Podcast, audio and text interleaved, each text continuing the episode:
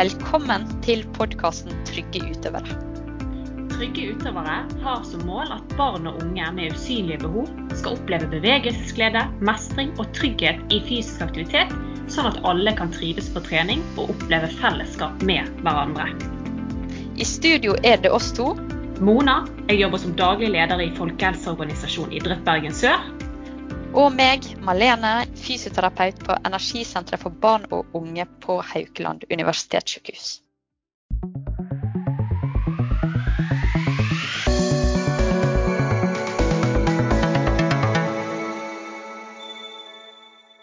Velkommen tilbake til Trygge utøvere sin podkast. Vi er nå klare med vår første bonusepisode. Og den skal rett og slett handle om motivasjon. Det stemmer. Vi skal òg være litt innom eh, frafall i idretten og mulige årsaker til dette. Og så skal vi òg selvfølgelig gjøre det litt dagsaktuelt, der vi knytter det opp mot gjenåpningen av idretten. Og hva som nå gjerne er litt viktig å huske på. Og da er vi så heldige å ha med oss tre stykker faktisk i dag. Det er Mats fra Norges idrettsforbund. Og så har vi med oss Line òg fra Norges idrettsforbund. Og så har vi med oss Mariell, som rett og slett satser i idretten kickboksing. Ganske stilig, så det gleder jeg meg å høre mer om. Men jeg lurer på om dere rett og slett skal få lov å introdusere dere kjapt sjøl. Så ja, jeg er jo nysgjerrig på deg da, Marielle, og kickboksing. Vil du fort fortelle litt om hvem du er og ja, din idrettsbakgrunn? Ja. Eh, mitt navn er da Marielle Gåsson Strømme. Jeg er 23 år, og som du sier, så satser jeg i fullkontakt kickboksing. Og ved siden av idretten så er jeg akkurat ferdig med en master i klinisk ernæring. Så det er litt det mitt liv går ut på. da. Det er trening og studier. Veldig kjekt å ha deg med, og ikke minst gratulerer med fullført eh, mastergrad. Og så har vi deg, Eline. Yes. Jeg heter Eline Marie Norus Soltvedt. Jeg er 24 år. Jeg har faktisk eh, ganske lang idrettsbakgrunn, fant jeg ut når jeg skulle tenke på det. Jeg begynte jo sånn som alle andre med fotball da jeg var seks år, og spilte i ti år og i Fana idrettslag. Og så var jeg innom selskapsdans og latindans og friidrett og mye forskjellig, før jeg i 2012 ble ungdomsleder i eh, Fana idrettslag sitt ungdomsråd. Så jeg har allerede ni år med idrettsledelseerfaring. Eh, og det har jo gjort at jeg har vært med på masse kurs og sånn, som gjorde at jeg tok bachelorgrad i sport management, og i dag er klubbkoordinator i Karlhamn idrettslag i tillegg til nestleder i ungdomsutvalget til Vestland idrettskrets, vaktleder på Sinken ungdomsklubb og eh, assistent til parakomiteen til Europamesterskap i luftskyting, som skal være på Hamar i 2022. Så det er veldig spennende. Veldig variert bakgrunn du har. Det blir spennende å ha deg òg med. Og høre hva du har å si om motivasjon og, og frafall og koronasituasjonen, ikke minst. Yes, det blir gøy. Og så har vi deg da, Mats. Ja, Mats Andreassen heter jeg. Leder for en avdeling som heter idrettsfag og verdiarbeid i Norges idrettsforbund. Eh, det er en avdeling som, som, jobber med alt fra barne- og ungdomsidretten til inkludering, paraidrett og verdiarbeid. Eh, så ganske sånn omfattende støtte da, både til, til idrettslagene, men kanskje primært til særforbundene og, og idrettskretsene. Ehm, I tillegg til å ha det som jobb, så er jeg selvfølgelig veldig engasjert i idrett sjøl. Har drevet med idrett hele livet. Hadde en kort toppidrettskarriere som kulminerte med Paralympics-deltakelse i 2014. Ellers har jeg drevet med veldig mye forskjellig opp gjennom, opp gjennom oppveksten. Og nå har jeg begynt å få, få, barn som kommer inn i idretten også, i tillegg til at jeg har vært trener for ei ungdomsgruppe. Så det er viktig for oss også som, som jobber sentralt her, å få et innblikk i lokalidretten og kjenne litt på kroppen hva som egentlig skjer ute i idrettsdagene. Veldig kjekt å ha deg med, både med bred erfaring eh, innenfor eh, Norges idrettsforbund, men òg Det sjøl. Dyktige folk og ikke minst en veldig bred erfaring som vi skal få snakke masse om i dag. Da. Og ja, så har vi jo allerede nevnt begrepet motivasjon mange ganger allerede. Og da kunne jeg gjerne tenkt meg, Kan du snakke litt mer rundt dette, hvis du har lyst til å begynne det, Mats? Og så kan jo Marielle og Eline hoppe litt innpå. Hva er egentlig motivasjon? Ja, Du trenger ikke skal ta det fra sånn eh, leksikonformular, men hvis jeg skulle prøve å definere det litt ut fra, fra min egen eh, situasjon, da, og kanskje særlig ut mot ungdomsidrett, som, som vi snakka om i dag, så handler jo det om å skape selvstendige utøvere som opplever eh, glede med å, å drive aktivitet. Eh, så det vi hele tida prøver å oppfordre til å, jobbe med, er å skape selvstendige utøvere som klarer å skape motivasjonen og driven til å drive med aktivitet på sitt nivå, og uavhengig av eh, hvordan de har lyst Om de har lyst til å drive det med én gang i uka og være sammen med vennene og oppleve det er motivasjon. Eller sånn som Mariell, som, som opplevde det å teste ut hvordan det å bli så god som man kan klare å bli innenfor en idrett, kan være motivasjon. Så jeg tenker at Motivasjonen er som, som, eies av hver enkelt, og som handler om at vi skal prøve å liksom stimulere og, og støtte eh, ut fra det folk er motivert for å drive med. Høres veldig bra ut. Eh, og Det er jo fint at du trekker frem at det, det handler jo om å eh, treffe den enkelte. At det er gjerne veldig mye ulikt som motiverer oss. Mariell, du kan jo kanskje snakke litt om hva som har motivert deg i din karriere i kickboksing, da? Ja, altså når jeg startet med kickboksing, så hadde jeg egentlig ingen mål eller ambisjoner om å bli noe god. Jeg syns egentlig ikke kickboksing var noe gøy i starten. Jeg kom egentlig mest på trening for å møte en venninne og være sosial og ha det gøy. Og så etter hvert når tiden gikk, da, så hadde jeg lyst til å konkurrere og se hvor langt jeg kunne komme, egentlig. Og så ble det jo den der eh, Du har lyst til å bli verdens beste. Det er jo sånn alle tenker etter hvert. Og da er det jo Ja, jeg har lyst til å bli verdensmester i kickboksing. Og det krever jo selvfølgelig veldig mye trening. Du må ofre litt sosialt og Ja, det krever veldig mye jobb, da. Og men jeg er villig til å legge ned den jobben og legge til side litt sosialt og ting på utsiden for å nå det målet mitt da, om å bli verdensmester. Så det Ja, det å bli verdensmester er egentlig mitt, eh, min hovedmotivasjon for å legge ned den, det arbeidet som trengs, da. Mm. Kjempe. Eh, og det er jo litt interessant, for det at altså du driver jo med toppidrett, og det er jo sånn som du sier, sant? at det var kanskje ikke det du så for deg den gangen du begynte med det, og du syns kanskje ikke det var så kjekt i starten heller. sant? Eh, og Det viser jo litt om på en måte den jobben man òg må gjøre i gjerne breddeidretten, og den allsidige erfaringen som kanskje skal til for å finne sin idrett og finne sin motivasjon. Jeg vet ikke hva dere tenker om det? Nei, Jeg kan jo si det at uh når jeg startet på kickboksing, så hadde jeg jo ikke noe mål, spesifikke mål. Men så var det det miljøet som var i kickboksingen, da. Jeg er egentlig en veldig innadvendt jente. Jeg var veldig sjenert. Eh, var jo livredd for eh, alle, egentlig. Men i kickboksingen så ble jeg sett, og spesielt treneren trakk meg frem, for jeg sto jo bakerst i en krok. da. Og i starten så hatet jeg jo det. Og jeg likte ikke å bli trukket frem og få noe oppmerksomhet. Men eh, i dag så er jo det Jeg blir jo irritert hvis ikke jeg får en tilbakemelding fra treneren på trening. Så der, eh, jeg har jo tatt helt totalt eh, omvending der, da. Så det, det, tror jeg er veldig viktig, egentlig uansett om du er toppidrettsutøver eller driver med bredde. Det at treneren ser deg og at du blir inkludert og er et godt miljø, da. Mm. Ja, da kan jeg si at jeg har hatt litt motpol da, sånn eh, når jeg spilte fotball. For i begynnelsen så var alt veldig bra, og du hadde det gøy på trening. Og jeg òg ville bli verdens beste fotballspiller, og jeg trente hver dag. Pappa var jo fotballtrener for andredivisjonslaget i Fana fotball, så han hadde jo nøkler til garderoben og sånn, så på søndagene så sto jeg opp for å spille med han alene på banen og skyte på mål og sånn. Og så følte jo jeg at jeg hadde blitt ganske god. Sto opp klokken fem om morgenen før skolen for å trene med A-lags herrer fordi at damelaget ikke kom på trening.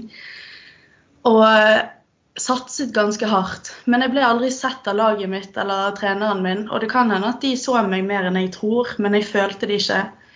Og jeg følte at eh, når jeg leste spillet og så hvordan ting kunne gå, og ga kjappe beskjeder til eh, lagkameratene mine, så ble ikke de mottatt, og de hørte ikke etter og skjønte ikke hva jeg ville fram til. og følte til slutt jeg ikke ble sett av treneren, for når de skulle velge liksom eh, av jentene hvem som skulle få trene med juniorlag eller A-lag og sånn, så var det alltid de samme tre jentene. Det var ikke noen andre som ble valgt.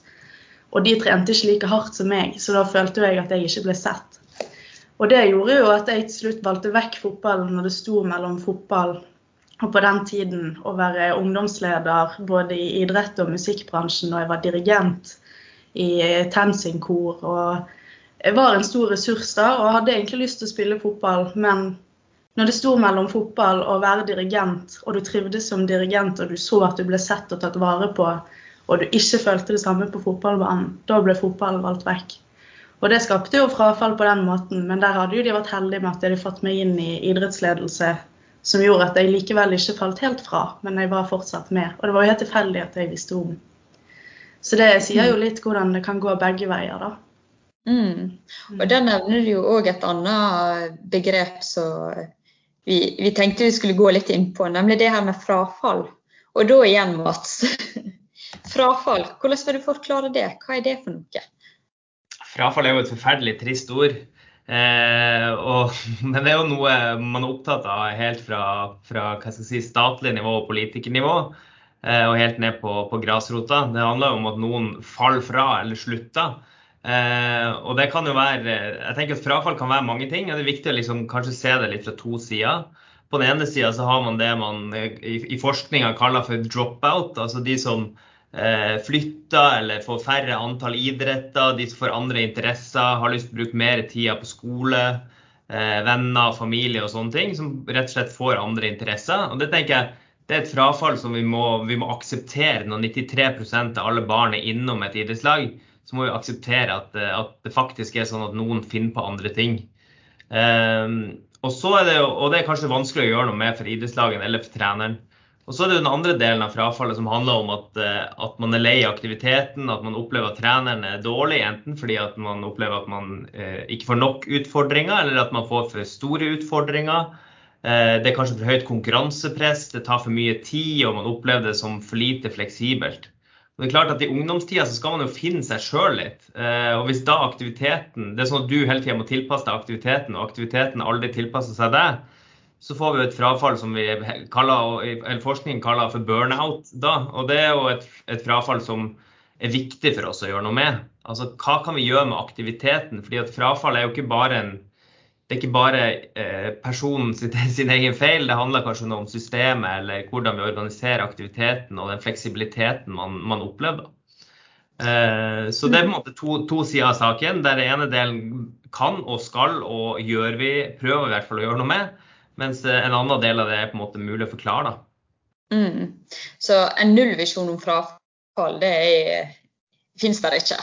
Det er klart at som sagt, Vi har 93% av alle innom mm. et eh, idrettslag som barn. 75 innom ungdomsidretten, altså mellom 13 og 19 som ungdom. Eh, men så vet vi samtidig at vi står igjen med ca. 25% på slutten av ungdomstida. Så det er klart at frafallet er reelt, men det er viktig å forstå hvert individ. Og det er nettopp der som, som både Marielle og Eline har snakka om, hvordan rolle tar treneren i en sånn type sammenheng. da? Hvem er det som mm. stiller det spørsmålet om hvorfor, hvorfor slutta du nå, eller hva skal til for at du har lyst til å fortsette, eller, eller er det andre ting du kunne tenkt deg å engasjere deg i? da? Mm. Men, men, og det, dette er kanskje et litt dumt spørsmål, men jeg tenker likevel det er greit å, å få fram. For hvorfor vil vi egentlig unngå disse burnoutsene? Ja, altså For det første så er vi jo en organisasjon. altså Vi har en visjon som heter idrettsglede for alle. Og det hadde vært mye enklere med en visjon som var idrettsglede for de som eh, ville mest, eller de som var like motivert som Mariell har blitt.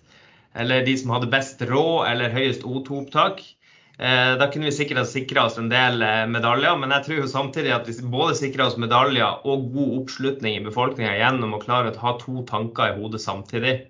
For jeg tenker at som, et, som, samfunn så har idretten en viktig rolle i det å, å sosialisere barn og unge til å drive med fysisk aktivitet. Da. Og så ser vi at for hvert år du driver organisert aktivitet, så øker det sjansen eh, proporsjonalt med hvor eh, aktiv du er når du slutter med organisert idrett. Fordi at du når et visst nivå, f.eks. du går lenge nok på langrennstrening til at du mestrer aktiviteten, så fortsetter folk å gå på langrenn etterpå. Og da blir det plutselig viktig også i et folkehelseperspektiv, selv om du slutter den organiserte aktiviteten. Mm. Veldig, veldig bra og enig, ikke minst. Er, er det noe systematisk arbeid for å hindre frafall eh, i idrett? og da tenker jeg på disse her burnoutsene som du var inne på. Ja, det er det jo absolutt. Og det er klart, som sagt, det, Dette er et fokus helt fra nasjonalt nivå, fra politikernivå. Som betyr at eh, det, altså pengestøtten som kommer, altså overskuddet fra tippemidlene, der ligger det en klar forventning om at de skal jobbe mot frafall. Og for og jobbe for å, for å motivere flere til å bli med lengre. Så har jo også idretten det i sine politiske dokumenter at vi skal prøve å både rekruttere, beholde og gi mulighet for de som ønsker å satse. Eh, som betyr at du må gjøre noe med tilbudet. Og det er ganske mange eh, for å liksom fortsette hierarkiet nedover, mange særforbund som har funnet alternative aktivitetsformer.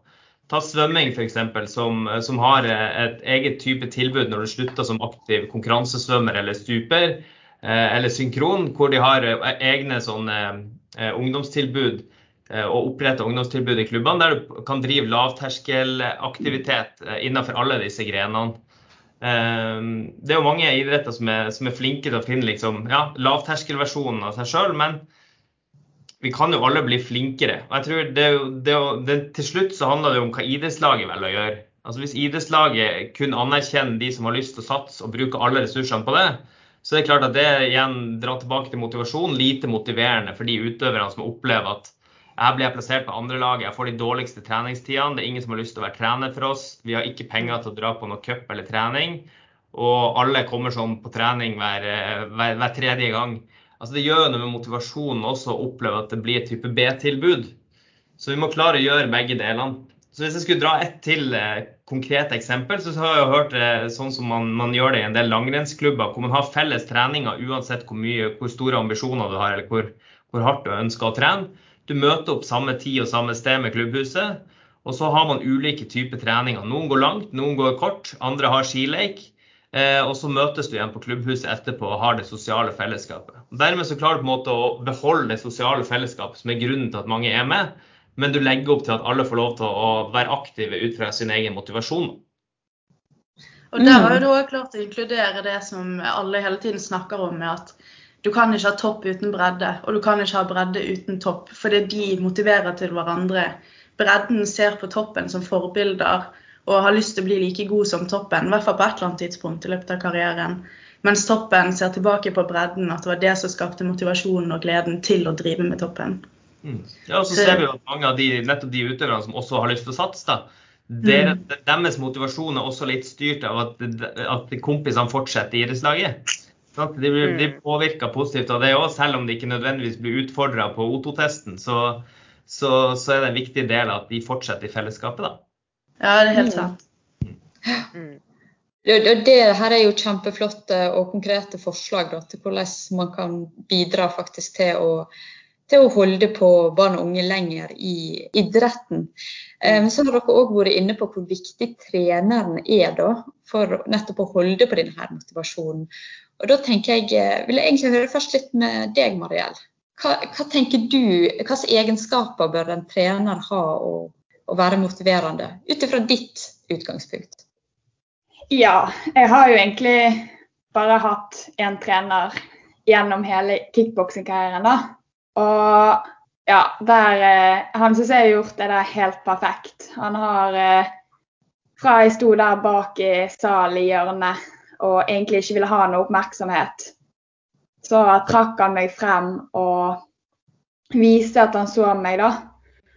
Og det samme nå, så er han alltid til stede. Han viser at han vil være inkludert i mitt liv da, og har troen på meg som utøver. Og når jeg kommer på økt og har hatt en tøff dag tidligere og er sliten og ja, ikke er så motivert til trening, da, så ser han det. Og da, da vil han vite hva, hva er problemet, hva har skjedd. Det, liksom, det går ikke bare på økten, og så er du glemt. Og hvis jeg av og til Jeg har slitt litt med skader og sånn. Og da blir jeg litt utenfor idretten, for jeg klarer ikke å se på de andre trenerne når jeg er skadet sjøl. Så jeg, sånn, da vil jeg isolere meg vekk, da. Og da det, får jeg en daglig telefon fra treneren. Hvordan går det, og hva har du gjort på i dag? Bare for å vise at du er ikke glemt selv om du ikke er på trening, da. Og det, jeg syns jo det er dritirriterende når han griner hver dag. Men når jeg kommer tilbake igjen til idretten og begynner med opptrening og sånn, så er jeg veldig takknemlig for det og veldig glad for ja, at han tar seg den tiden da, til å ta den telefonen. Og ja, du føler jo virkelig at du blir sett, og han bryr seg både om idrett og hvordan du har det utenfor. da. Mm.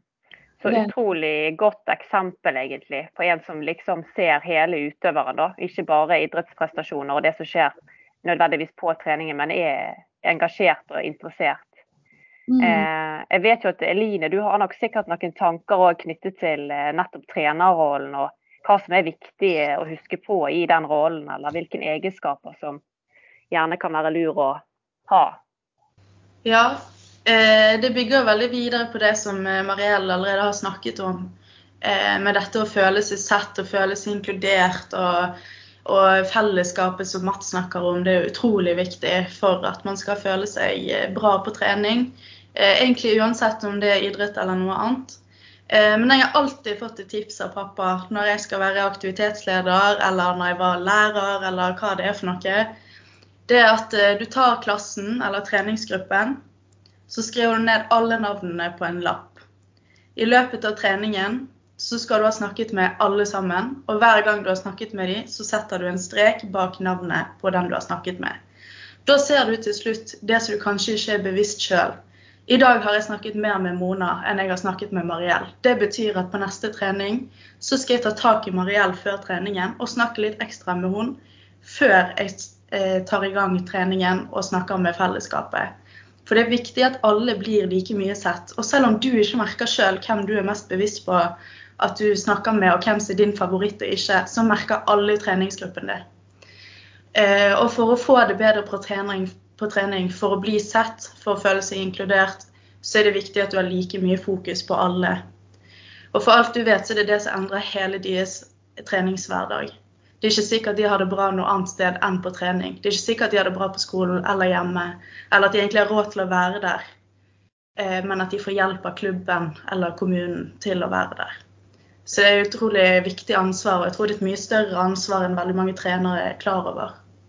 Jeg syns jo det tipset som du videreformidlet nå, Eline, var så bra at jeg har jo allerede tatt det i bruk og delt det videre med mitt nettverk. Så det var fantastisk. helt fantastisk. ja. Jeg har et annet tips òg som jeg lærte på et kurs. Og det er å ikke si eh, Forsto dere oppgaven? Du skal si Har jeg forklart oppgaven tydelig? For da legger ikke du på de at det er deres feil hvis de ikke har skjønt oppgaven, men du legger det på deg sjøl at det er din feil hvis de ikke har skjønt det. Så det har jeg begynt å bruke. Ja, veldig bra. Hvis jeg kan forsterke poenget til, til Eline òg, så nettopp dette med å, å, faktisk eh, bruke navnet til hver utøver på, på trening er utrolig eh, viktig. Eh, fordi kanskje den mest undervurderte ferdigheten hos trenere, som kanskje har vært undervurdert eh, ikke bare kanskje, jeg tror det har vært undervurdert i all trenerutdanning òg, at vi har veldig sånn teknisk, taktisk fokus på idretten, og så har vi veldig lite fokus på relasjoner. Eh, men det er kanskje den aller viktigste ferdigheten vi finner hos gode trenere. Som, som liksom folk tenker at eh, tenk tilbake og skal liksom tenke hva var den beste treneren jeg hadde. Det er ofte trenere som er gode på relasjoner. Opplever, der du opplever at alle utøverne blir sett, du opplever at, har blitt, at navnet har blitt brukt. altså De har faktisk lagt merke til at du har vært der. Det er litt som å bli sagt hei til i butikken. Det, det, det, gjør, noe, det gjør, gjør noe, det gjør noe med deg. Eh, så i tillegg til å liksom skape selvfølgelig da ha et ansvar for å skape et trygt og inkluderende miljø, så tror jeg nettopp det her med å involvere utøvere i tillegg er viktig. da. La, la utøverne få lov til å ta eierskap til sin egen idrettsutøvelse og involvere dem i det du driver på med. Det hjelper ikke at klubben har et mål om å rykke opp eh, til interkretsserien hvis utøverne er helt uinteressert i det og har lyst til å møte på trening en gang i uka og spille kamper for det er det de syns er gøy. Eh, så du er nødt til å involvere utøverne i, i utarbeidelsen. Så nei, akkurat det med å, få, å ha trenere som er gode på relasjonelle ferdigheter, er nesten viktigere enn å kunne idretten. For det kan du lære deg. Ja, det er sant. I dag er det veldig mange som eh, når de skal ansette trenere eller skaffe noen nye folk, så er de ute etter den gode pedagogen, og ikke den som er best på trenerkunnskapene og at du kan fotballreglene så veldig godt, eller håndballreglene. Men den som er god på relasjoner da, og god på å se alle og snakke til dem på en hyggelig måte. Men jeg tror òg det er veldig sånn på frafallet, det du sier der når du går i overganger fra barneskolen til ungdomsskolen, eller ungdomsskolen til videregående, det skjer veldig mye med kroppen din, det skjer veldig mye rundt deg i miljøet. Det er nye folk, nye klasserom, nye lærere og autoriteter. Og da liksom kunne komme på trening og bare åh, her hører jeg hjemme, her er jeg trygg. Involvere de i hva de skal gjøre. Det er ikke sikkert alle på gutter 13 har lyst til å spille i Eliteserien men de har lyst til å være med kompisene sine. De har lyst til å være på feltet. De vil trille den ballen og prøve å sette den i mål. Og taper de 10-0, så bryr de seg ikke om det. For det er fellesskapet som er viktig. Og da er det utrolig viktig å inkludere dem, sånn at ikke treneren sitter der og tenker alle disse her de skal spille på Brann, og de skal sendes ut til eh, Europaligaen, og de skal ditt og de skal datt. Alle de skal ikke det. Noen av de skal bli advokater eller leger eller tannleger eller whatever. Og da er det så viktig å involvere de i prosessen at ikke vi får de til å slutte ved at vi ikke inkluderer de i deres treningshverdag. For det er egentlig det det er. Det er deres treningshverdag, ikke treneren sin. Veldig, veldig godt poeng. Eh, da, da, tenker jeg det er mange trenere som kanskje sitter der hjemme og tenker men nå har jeg et lag der eh, jeg har i hvert fall halvparten skal bli den nye Cristiano Ronaldo. Og så har jeg hin halvparten som bare skal ha det gøy. Hva gjør jeg da? Jeg tror i hvert fall vi skal anerkjenne at det å være trener er ikke en enkel oppgave. Eh, det skal vi aldri undervurdere. Eh, det er en oppgave vi legger på Vi legger et stort ansvar på for det første da med de yngste barna, foreldrene. Eh, og så er det litt sånn eh, håndsopprekning om hvem som orker å melde seg. Og så får de ofte litt sånn kjeft og tyn for at noen syns det er for bra eller for dårlig. så det å være trener er en kjempeutfordrende oppgave. og jeg, jeg vet ikke hvor mange ganger jeg har sagt det de siste årene, at det er kanskje den viktigste oppgaven vi har i norsk idrett. Eh, fordi at den er på en måte bindeleddet mellom alt vi har lyst til å få til, helt fra liksom statlige politikere og helt ned til barn og ungdom sjøl, så blir de på en måte den utøvende rollen. Eh, og Da må vi liksom av og til huske på hvem er den treneren. Og den treneren er på en måte meg og deg og du og kompisen vår. Eh, og da må vi, ha, vi må prøve å legge, legge forholdene til rette sånn at vi gjør det enkelt for dem. Eh, og så er det jo nettopp det her å fortelle dem at jo, nå kommer det inn ei gruppe som har helt ulike ambisjoner. Hvordan kan vi klare å differensiere de utfordringene som de får, og likevel legge til rette for at de som har lyst til å satse, skal få muligheten til det. For det er jo en del som slutter også fordi at de opplever at eh, nå er det så mye breddefokus og det er så mye sånn kos og hygge, og jeg har jo faktisk lyst til å bli best. Og den driven der, den må vi også anerkjenne, da. Men jeg tror jo i 90% av tilfellene så følger vi de som har mest lyst og de som er mest motivert, istedenfor å kanskje være 50-50. da. Eh, så, så, det å klare liksom å balansere det der er, er, kjempevanskelig. Det er ingen enkel jobb. Det høres enkelt ut når vi forklarer det sånn som det her. Eh, men da er det nettopp kanskje å ha den der åpne dialogen også med utøverne og snakke med den treningsgruppa. Her er det noen som har ambisjoner om det. Her er det noen som har ambisjoner om det. Kan vi ha to lag f.eks. der vi hospiterer opp og ned? Eller, altså det er jo selvfølgelig enklere individuelle idretter. for der kan, det kan jo være utøver i stor grad velge hvordan eh, nivå de ønsker å konkurrere på, hvis det er mange som konkurrerer. da. Eh, mens i lagidretter så er det en større utfordring. Eh, men det å prøve å finne gode løsninger, samarbeidsklubber f.eks., hvis man ønsker å ha et satsingslag og ser at her har vi for få utøvere, Eh, ja, prøve å finne kreative løsninger, men involvere ungdommene i det. Det tror jeg er, det er liksom nøkkelen i dette her. Så er det flere her som sitter og, og nikker.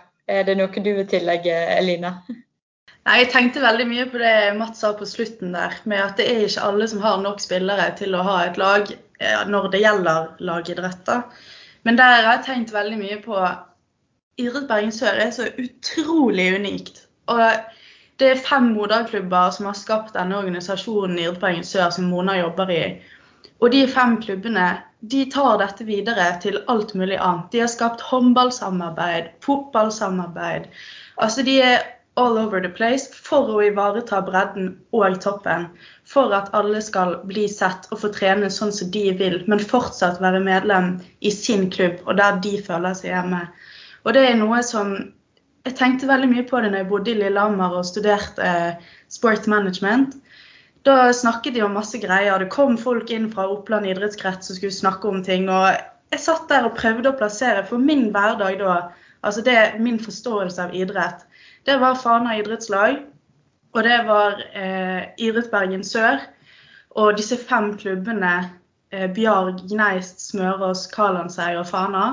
Og hvordan de snakker sammen, hvordan de bedrer folkehelsen og, og tar vare på alle. Og jeg fikk det ikke til å stemme. Alle disse teoriene de snakket om, alle måtene man kan organisere idrett på, det stemte ikke overens med min hverdag. Og jeg stilte spørsmål i plenum. Og de kunne ikke svare meg, så jeg måtte gå ned etterpå til eh, foreleser da, som kom fra Oppland skikrets, eller hva det var, og snakke med denne personen og liksom spørre eh, Nå er det sånn at eh, jeg skjønner ikke det du snakker om, fordi at jeg er vant til at eh, det er den klubben og den klubben og den klubben og den klubben, og de går sammen der, og, og da jobber de med det, og så har de et ungdomsråd der, og det er på tvers av sånn, og så er det Og de hadde aldri hørt om det før. Og det var da jeg skjønte at dette var unikt, og det var det jeg måtte skrive bacheloroppgave om. Og at det er det alle burde lære av. Og så fikk jeg høre når jeg kom tilbake, jeg var student-trainee et halvt år i Fana idrettslag og hadde sportssjefen som mentor.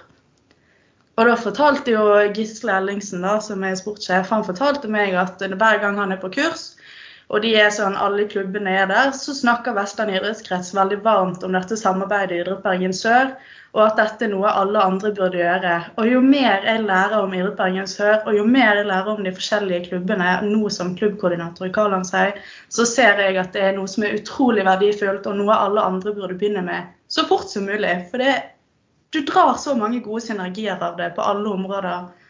Så ja, nei, det satt jeg og tenkte på nå når Mats tenkte. Jeg kan bable om i en evighet, men det skal